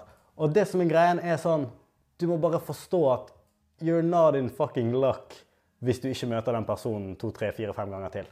Ikke sant? Sånn som for eksempel eh, Vikstar fra Sideman. Eh, Han er en veldig god kompis med Alan. Eh, første gang jeg møtte han, så var det liksom sånn Hei, bla, bla, bla. Ikke så mye greier. Andre gangen Han husket ikke at han hadde møtt meg engang. Tredje gangen litt den samme greien, men så skal han få et bilde av meg, så relasjonen bygges litt sterkere. Ikke sant? Fjerde gangen så blir det litt sånn der, å ja, kan du hjelpe oss, fordi at han vet at jeg eksisterer der, hele den greien der. Så femte, sjette, og syvende gangen, så plutselig er det sånn, her skal du være med på fest. Ikke sant? Plutselig så forandrer hele relasjonen seg, fordi at det blir et naturlig, menneskelig relasjon. Yeah. Det blir ikke en sånn jeg vil være vennen din på grunn av at du er den personen jeg ser for meg at du er. Ikke sant? Ja, men også handler, tror det handler om du ok, du møter såpass mange folk som alle vil ha tak i deg. Det vet jo du på en måte. Ja. sant? Og, og så er det sånn OK, men denne personen er jo her hele tiden. Ja. Sant?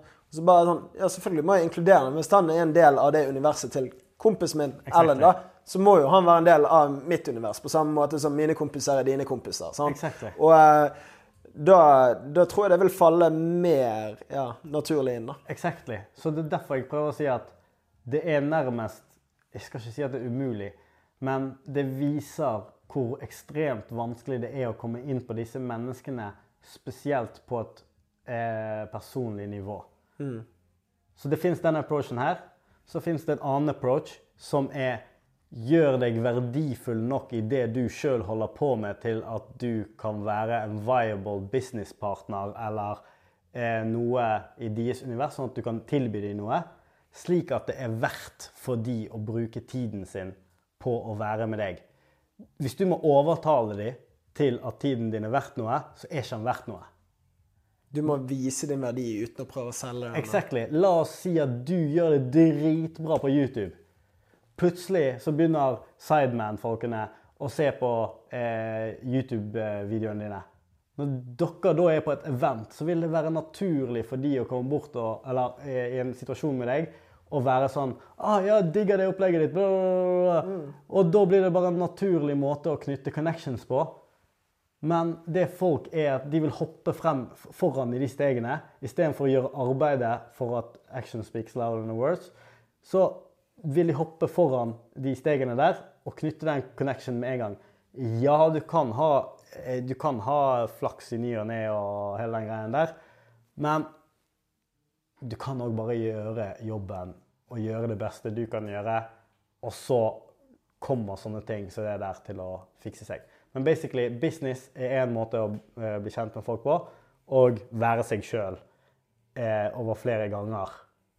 Og være konsistent med hvem du er, eh, være en annen måte.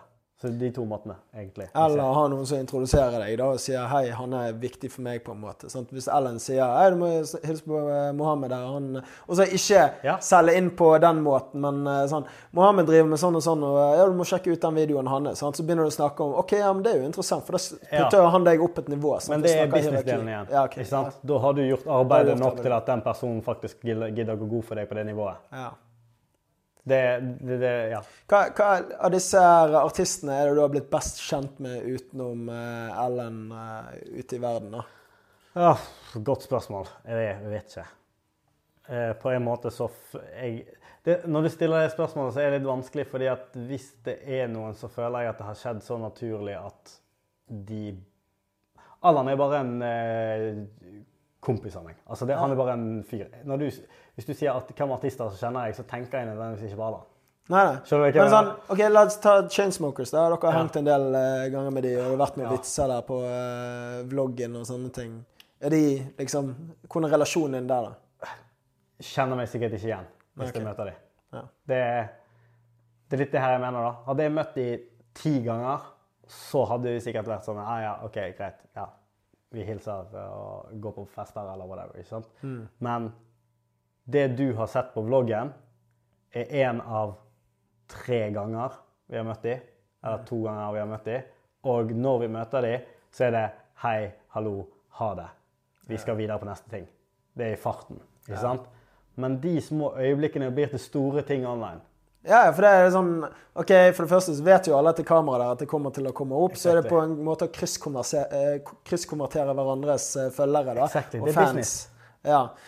Så det, det er det som òg fascinerer Altså, når folk Det her får meg til å begynne å tenke på media og hvordan nyheter og alle sånne ting ser. Nå når jeg ser på nyheter og sånt, og ser på eh, klipp, så ser ikke jeg på det samme måte som jeg gjorde før, der jeg var sånn Å, det der må jo være sant.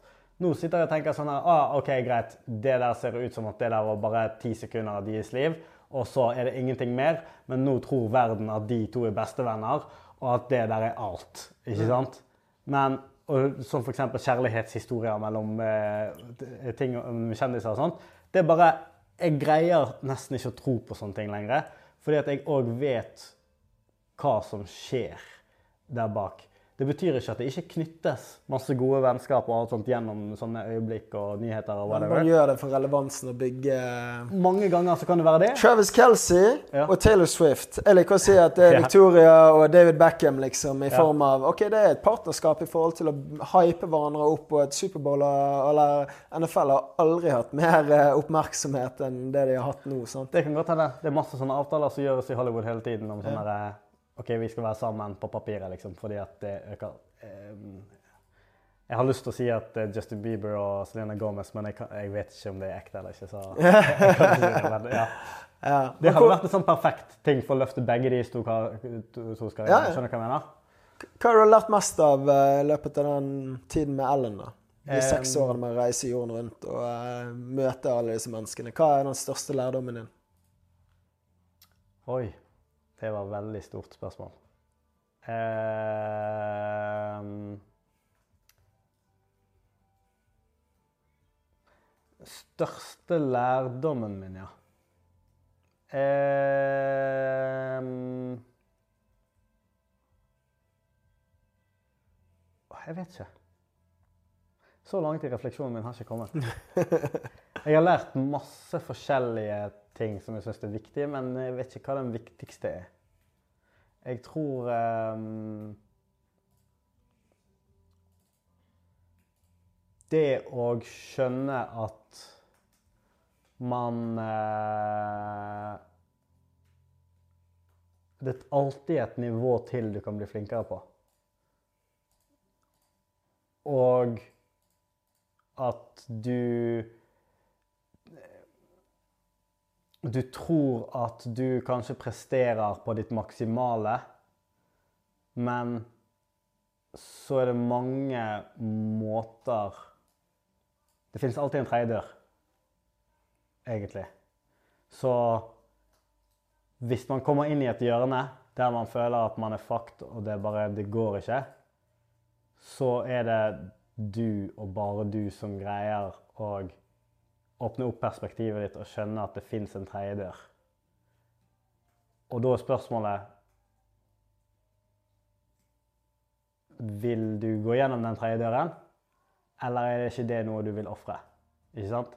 La oss si for eksempel eh, Det må slutte hos Adam, for eksempel. Ikke sant? Jeg vet Jeg kom til et punkt der jeg følte at jeg ikke vokste lenger. ikke sant?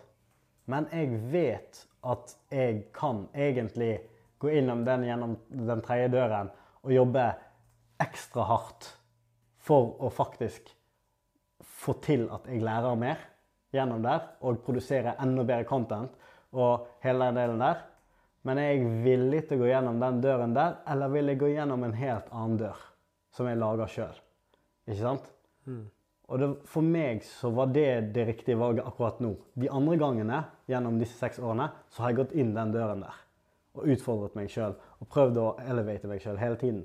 Men nå har jeg kommet til et punkt der jeg skjønte at OK, greit.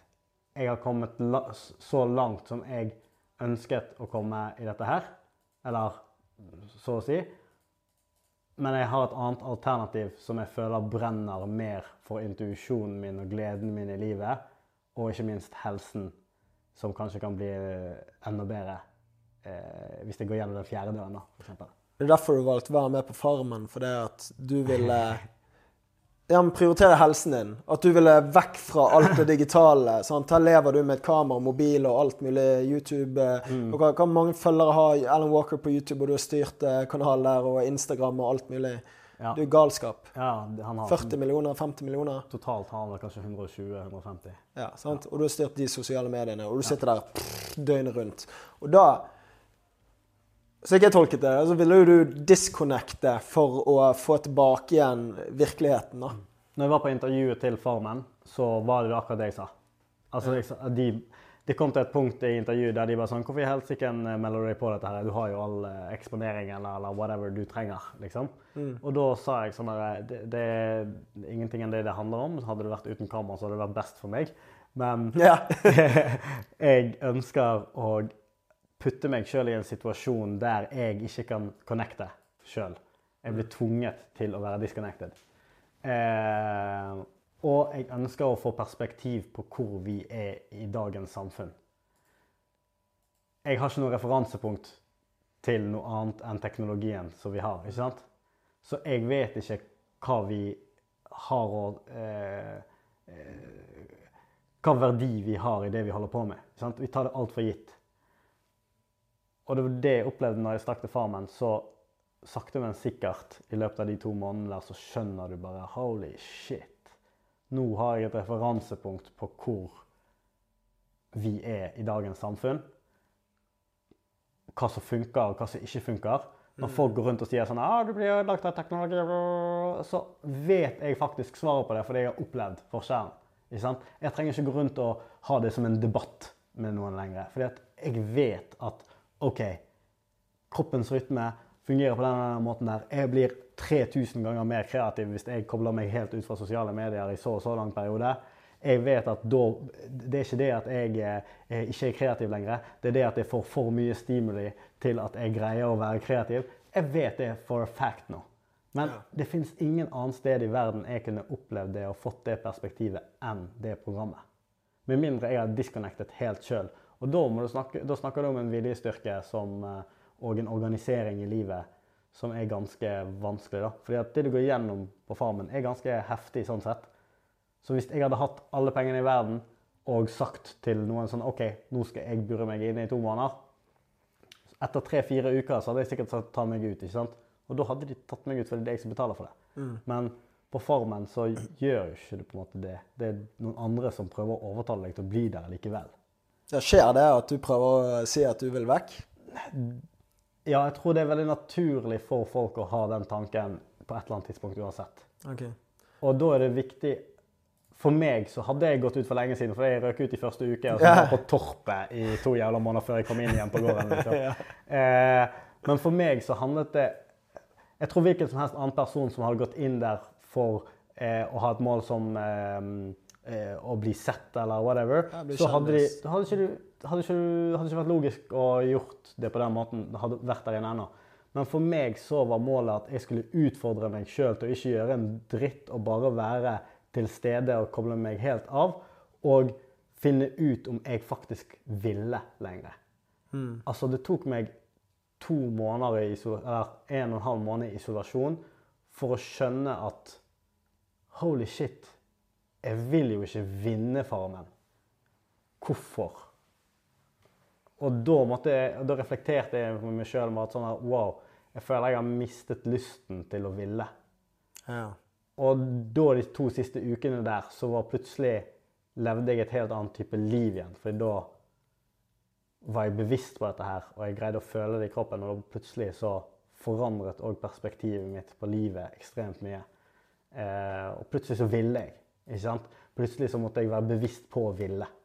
Og det var en sånn ting jeg ikke tenkte Du blir hemmet da, av alle impulsene som er i denne verden her. Og jeg fikk tid og space nok til å greie å se og reflektere overfor dette her gjennom de to månedene. Så for meg så var det bare en utfordring hver eneste dag der borte å faktisk bare bli. Helt til jeg begynte å skjønne disse tingene her. da. Hva var det du lærte mest av på Farmen da, i forhold til ok, disconnecte? Liksom, hva lærte du mest om i forhold til deg sjøl, og hva du vil, da? Og kreativiteten rundt? Jeg, jeg lærte at eh, At the dopamine use is, is real. Altså Jeg kan regulere min eh, tilstand basert på dopaminbruken min. Mentale tilstand? Eh, alt. Det, alt sammen. Det, alt henger sammen. Ja. Sånn som for eksempel, da. Eh, hvis du går i tre uker uten noe som helst bruk av teknologi, så kan jeg love, love deg at du kommer til å være superkreativ. For eksempel, vi eh, var inne i går, jeg tror det var en måned, seks uker, fem-seks uker. Og så har ikke vi hatt noe impulser nesten, ikke sant? Det er bare oss som sitter der. Og så kommer det to eh, fake skuespillere som er sånne forfattere eller whatever, eller skal samle inn historier fra de forskjellige stedene rundt omkring i Norge, eller hva søren de sa. Eh, og da skulle vi skrive hver vår historie som de skulle ta med seg videre på reisen deres. Og før de hadde forklart hva vi skulle skrive om, så hadde vi tatt pennen, eller blyanten og arket og begynt å skrive allerede fordi at vi bare Å, dette her er det gøyeste jeg har vært med på i hele mitt liv. Hvis noen hadde sagt til deg nå, ta en penn og papir, og så skriver du en historie til meg. Øh, Skjønner du? ja, ja. Da var Altså, jeg kan ikke beskrive hvor glad og hvor psyched vi var på å skrive den historien da. Vi satt der i kanskje en time eller to, så lenge som vi kunne. Og bare Jeg vet ikke hvor mange timer det var, fordi vi hadde ikke klokke. Men da satt vi der og faktisk pøste ut med kreativitet, da. Og det handler bare om at du har brukt opp all dopaminet ditt til vanlig på masse ting konstant som du velger sjøl å gjøre, eller til en viss grad velger sjøl å gjøre. Så du, hvis du går på veggen, så bare ikke gjør en dritt. Bare skjerm deg fra alt. Prøv å gjøre det. Det er nesten umulig i dagens samfunn. Men hvis du greier å gjøre det, så kan jeg love deg at du kommer til å komme deg eh, fort ut, liksom. Så det er en av de største tingene jeg har lært, liksom. Jeg har kontroll på min mentale tilstand. Eh, ja. Så det du sier, er at pga. at du får så sykt mye dopamin, du, får, du har tilgang til uendelig mye informasjon, alt kommer til deg, du har altfor mange muligheter, det gjør at du ikke verdsetter det at du har en mulighet. da. Så når du har noen, har du da en mulighet til å kunne utfolde deg eh, i form av å skrive en historie, så er det bare sånn Yes! Faen, så gøy at jeg har denne muligheten, istedenfor at det blir et ork, for du har 10 000 andre muligheter, så du heller ville prioritert over den. da. Så nå kan du Ja. bare sette pris på den lille tingen der. da. Ja. det- eh, annen metafor for å putte det i en helt annen kontekst. Eh, hvis du lager en eh, kyllingfilet eller whatever, ikke sant? og så skal du, har du masse forskjellige digg krydder og smaker du har lyst til å ta på. ikke sant? Masse digge ting som du vanligvis elsker. Så tar du alt sammen i samme greie, så smaker jo det egentlig bare Hva smaker det egentlig? Ikke sant? Sånn er hjernen vår i dag. Ja. Når du egentlig kan bare ta på salt, og så smaker den kyllingfileten dritdigg. Ikke sant? Det er det vi ikke gjør. Vi får hele tiden alt forskjellige typer krydder konstant. Men nå har du funnet ditt eh, salt som du skal ta på i livet ditt. Eh, hva er det for et eh, selskap du skal starte opp? Ja, spørsmålet for deg, da, ja? er litt sånn eh, Hvis jeg snakker om dette her nå, så vet ikke du når du kan poste denne podden her. Eh, Nei. Men hvis vi ikke snakker om det her, så kan du poste denne podden akkurat når du vil. Så vi kan, jeg kan eventuelt komme tilbake til deg når eh, dette selskapet er oppe og går. Fordi jeg vet ikke om det tar en måned eller to. Jeg har ikke lagd roadmap. Er det sånn at det kan ta seks måneder? Ja, du, du vet aldri. Jeg har ikke lagd roadmapen ennå. Så det er veldig veldig tidlig stadie, og det avhenger jo av en del ting. OK. Uh, jeg har ikke lyst til at det skal ta seks måneder. Så, jeg kan ikke garantere det. så da, da tenker jeg at vi kan heller snakke om hvorfor du har valgt å gå akkurat en helt annen vei enn tidligere, da. Ja. Eh, for så vidt veldig interessant spørsmål. Det tok meg òg lang tid å egentlig skjønne litt. Men jeg har solgt tiden min hele livet mitt. Mm. Og dette har jeg jo egentlig skjønt for flere år siden. Men jeg har solgt tiden min hele livet mitt, og, spørs, og det er litt derfor jeg òg valgte å eh, ikke gå for musikkvideoer. Fordi at jeg så i enden av tunnelen at OK, la oss si jeg blir verdens beste musikkvideoregissør. Kommer jeg til å bli økonomisk uavhengig? Nei. Hva kommer jeg til å ofre for det? Helse? Mental, eh, men, eh, mentaliteten min, eller det mentale i hodet mitt, liksom, pga. kunder og så videre, så videre, så videre. Jeg er villig til å gjøre alt det, og ikke bli økonomisk uavhengig, som er en av de viktigste tingene for meg. Nei. Det funker ikke.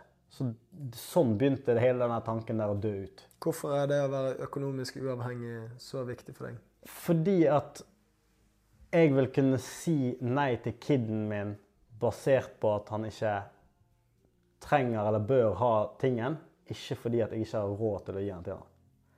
Det er, det er viktig at det ikke er pengene som skal definere, eh, som skal eh, gjøre det vanskeligere for meg å leve et liv eller ikke, når jeg har muligheten til å tjene dem. Hvor kommer den tankegangen fra, da? At du har behov for at du skal kunne Jeg har levere? jeg har vært heldig nok å bli født og oppvokst i Norge. Og foreldrene mine var ikke like heldige. Så de har gått gjennom ekstremt mange ting for å gi meg muligheten til å ha dette utgangspunktet i livet. Og hvis jeg jobber på Rema 1000, som ikke er gale i det hele tatt, så føler jeg at jeg ikke lever opp til det potensialet eller muligheten de har gått gjennom så mye for å gi meg. Så jeg føler jeg waster et liv som de har måttet ofre veldig mye for. Det er jo ofte sånn med innvandrerfamilier at uh, første generasjon jobber beinhardt. sant? Jobber uh, to-tre jobber gjerne. Og uh, sparer sinnssykt mye penger. Bruker ikke penger på noe annet enn det de må ha. Da kjøper de gjerne brukt eller uh, det, det som ikke koster mye. da. Og så har du barna som får tilgang på mye mer penger og muligheter og investerer. og De går på god skole. og Eh, Sånn som når jeg går på BI her i Oslo, så er veldig mange eh, andre generasjons innvandrerbarn eh, med eh, bare designerklær. Sant? Så bare sånn shit, liksom. Det, all, alle skal ha det. For det at foreldrene vil at de skal ha det. De skal ikke mangle på noe det de har hatt. Sant? Og jeg har jobbet med veldig mange som eh, har vært første generasjon, og sett hvor hardt de har jobbet. Sant? Eh, og så kommer man gjerne til tredje generasjon. da. Og da Det er litt sånn som med rikdom. At dere første generasjon skaper det, andre generasjon skal vedlikeholde det, tredje generasjon waster det. da. Jeg tror det er sånn om det er innvandrere eller ikke. Eh, Ja, jeg tror det er første og andre generasjons Men det er jo det eh, du skaper nå, da. For du, du Ja. ønsker å gi barna dine et, at de ikke trenger å måtte mangle noe. Så de vil ha uendelig med tilgang på eh, egentlig, Ja, du kan få det og det og det, og så blir de bortskjemt. da. Mm. Og så bare sånn Har du jobbet hardt for å skape økonomisk uavhengighet, og så eh, blir det egentlig bare å eh, ja, OK, jeg har lyst til å bli frilly, privatfly her. Ja, ja, kom igjen, eh, lille mamma. Det går fint. Men det er jo litt eh, Hvis du la merke til hvordan jeg formulerte hvorfor det var viktig for meg å være økonomisk uavhengig, så jeg har lyst til å si nei til kiden min, ikke fordi at jeg ikke har råd til det, men fordi han ikke trenger det. Så jeg tror Altså, hvis du ser på Jeg, jeg er helt enig med deg at første- og andregenerasjonsregelen den er egentlig sånn på det meste. Men så finnes det ekstremt mange rike folk som òg har greid å oppdra barna sine på en måte som gjør at de setter pris på det og verdsetter eh, tingene de har rundt seg. ikke sant? Og det tror jeg er en veldig viktig del av barneoppdragelse. Jeg vet ikke om jeg kommer til å greie det, eller om jeg kommer til å få kids, eller hva som skjer. Men det er jo målet mitt, om å faktisk greie å få eh, barnet mitt til å forstå og sette pris på det han har. ikke sant? Og putte det barnet i situasjoner som gjør at de blir utfordret. Og selv om pappahjertet kan skjære, så må jeg kanskje bare la det skjære, fordi at vi har alle blitt skjært, hvis du skjønner hva jeg mener. Altså, så det er det vi lærer av. Ja, sånn, jeg, jeg, Du har sikkert mange av de, du òg. Men jeg har noen venner som er altfor rike, da. Mm. Som aldri har opplevd en skikkelig nedtur og eh, hva det vil si å Ja. ha noe kjipt, egentlig. sant? Ja. Så det som er kjipt for de er ofte ikke det som er kjipt for eh, resten av verden. Og eh, det tror jeg blir veldig vanskelig liksom å lære folk å faktisk bli kjært, da. Mm. På den måten. Ja, det er jo det. Jeg, jeg, jeg tror ikke det er en nettoppgave, men det er jo derfor det òg Mesteparten av eh, de rike i verden er sånn som han er òg, ikke sant? Med de forskjellige generasjonene. Men hvis man ikke har målet og ambisjonen om å gjøre det, så kan man, jo garantere at det går til helvete. Mm. Ikke at det går til helvete, da, men at det, det ikke går sånn eh, At de ikke får gode verdier og perspektiver på ting. da. Du skulle gitt et tips til deg når du var eh, 20 år. Starten av karrieren, hva ville det vært da? Eh,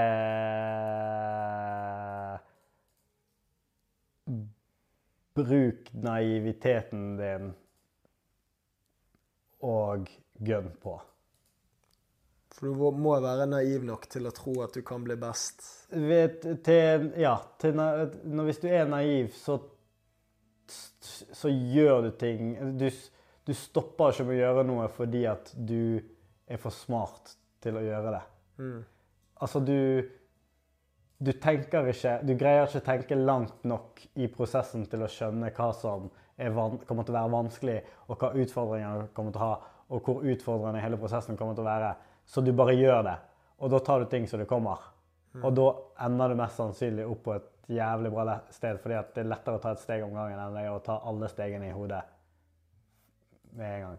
For veien går seg aldri til, til Ja. sånn du tror du skal gjøre. Så naiviteten er en, en av dine største styrker. Og selv om du føler at du ikke eh, kan nok, så er kanskje det for det beste. Jeg vil si Det er den største styrken og eh, en av de største svakhetene dine. For du kan Ja. lett bli misbrukt ved å være naiv. da. Ja, At- sant? At du, du sier ja til ting fordi du er en drømmer, og eh, de eh, spiser av din naivitet. da. Eh, Så jeg tror at man må være oppmerksom på det òg, at det kan bli Mm. misbrukt. Jeg er enig og uenig. Fordi at hvis folk spiser opp den naiviteten din, og du syns det er greit, så er det ingen harm Så er det ingen, uh, ingen Ingenting galt som har skjedd. Det punktet de sier til deg sånn her OK, vi tar hele selskapet ditt fordi at du var dum nok til å signere på den avtalen, så har du lært. Mm. Men det var naiviteten din som fikk deg til å skjønne at dette var et selskap verdt nok for de å ta i det hele tatt. Mm. Hadde du gått rundt og tenkt sånn her, ah, nei, jeg får ikke akkurat den dealen med de, bla, bla, bla, så hadde du ikke fått lov til å være med gjennom hele den reisen der og knytte alle de, hele nettverket og bygge et selskap som var så mye verdt, til at de var gadd å ta det. Men i og med at du har gjort det, det arbeidet med naiviteten som hovedmotoren din, så kan du bygge det på nytt igjen.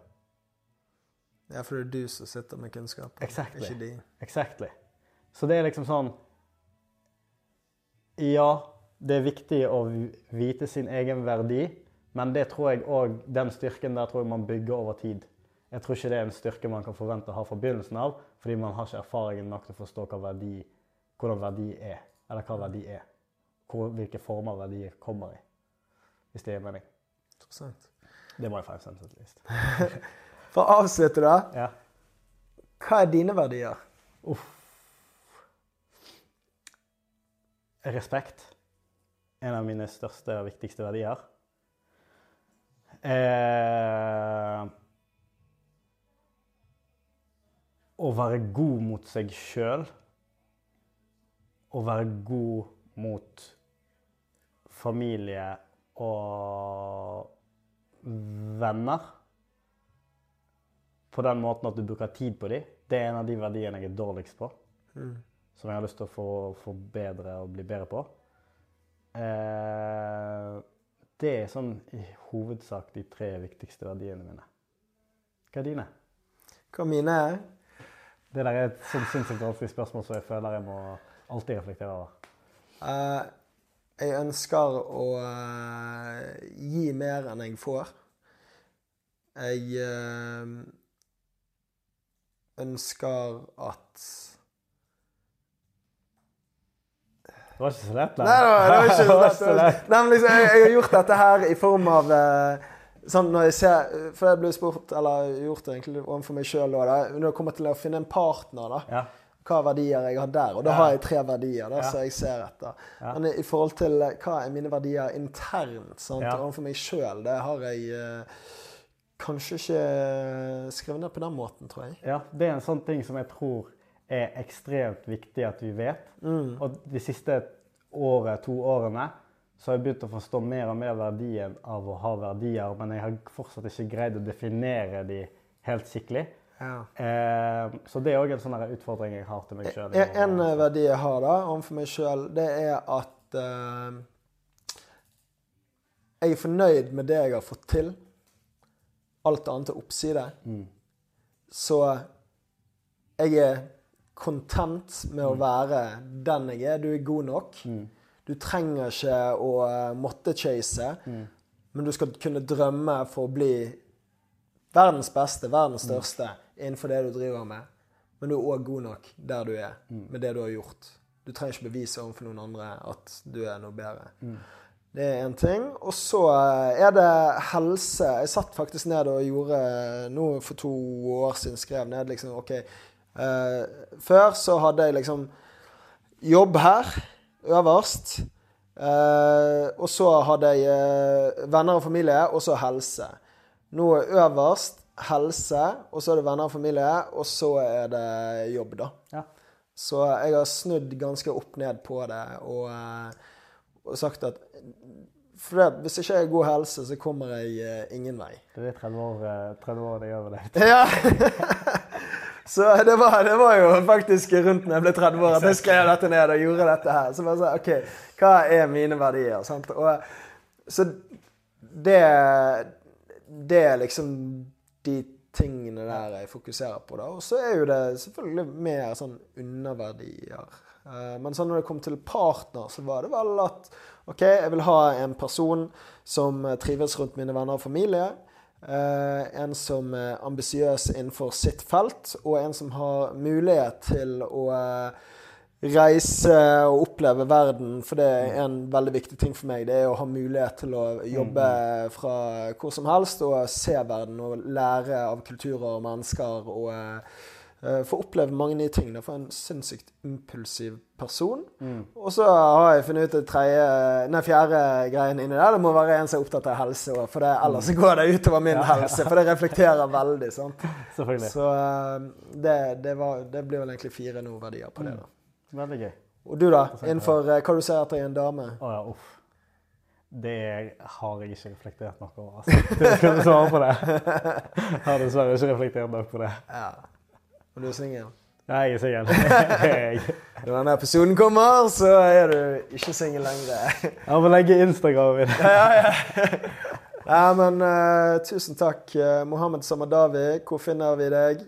Eh, på Instagram, snart på TikTok. Eh, og alle andre sosiale medieprofiler. Mopeace heter jeg der. Peace som i et stykke. Så lykke til. Mopeace. Peace out. Peace out.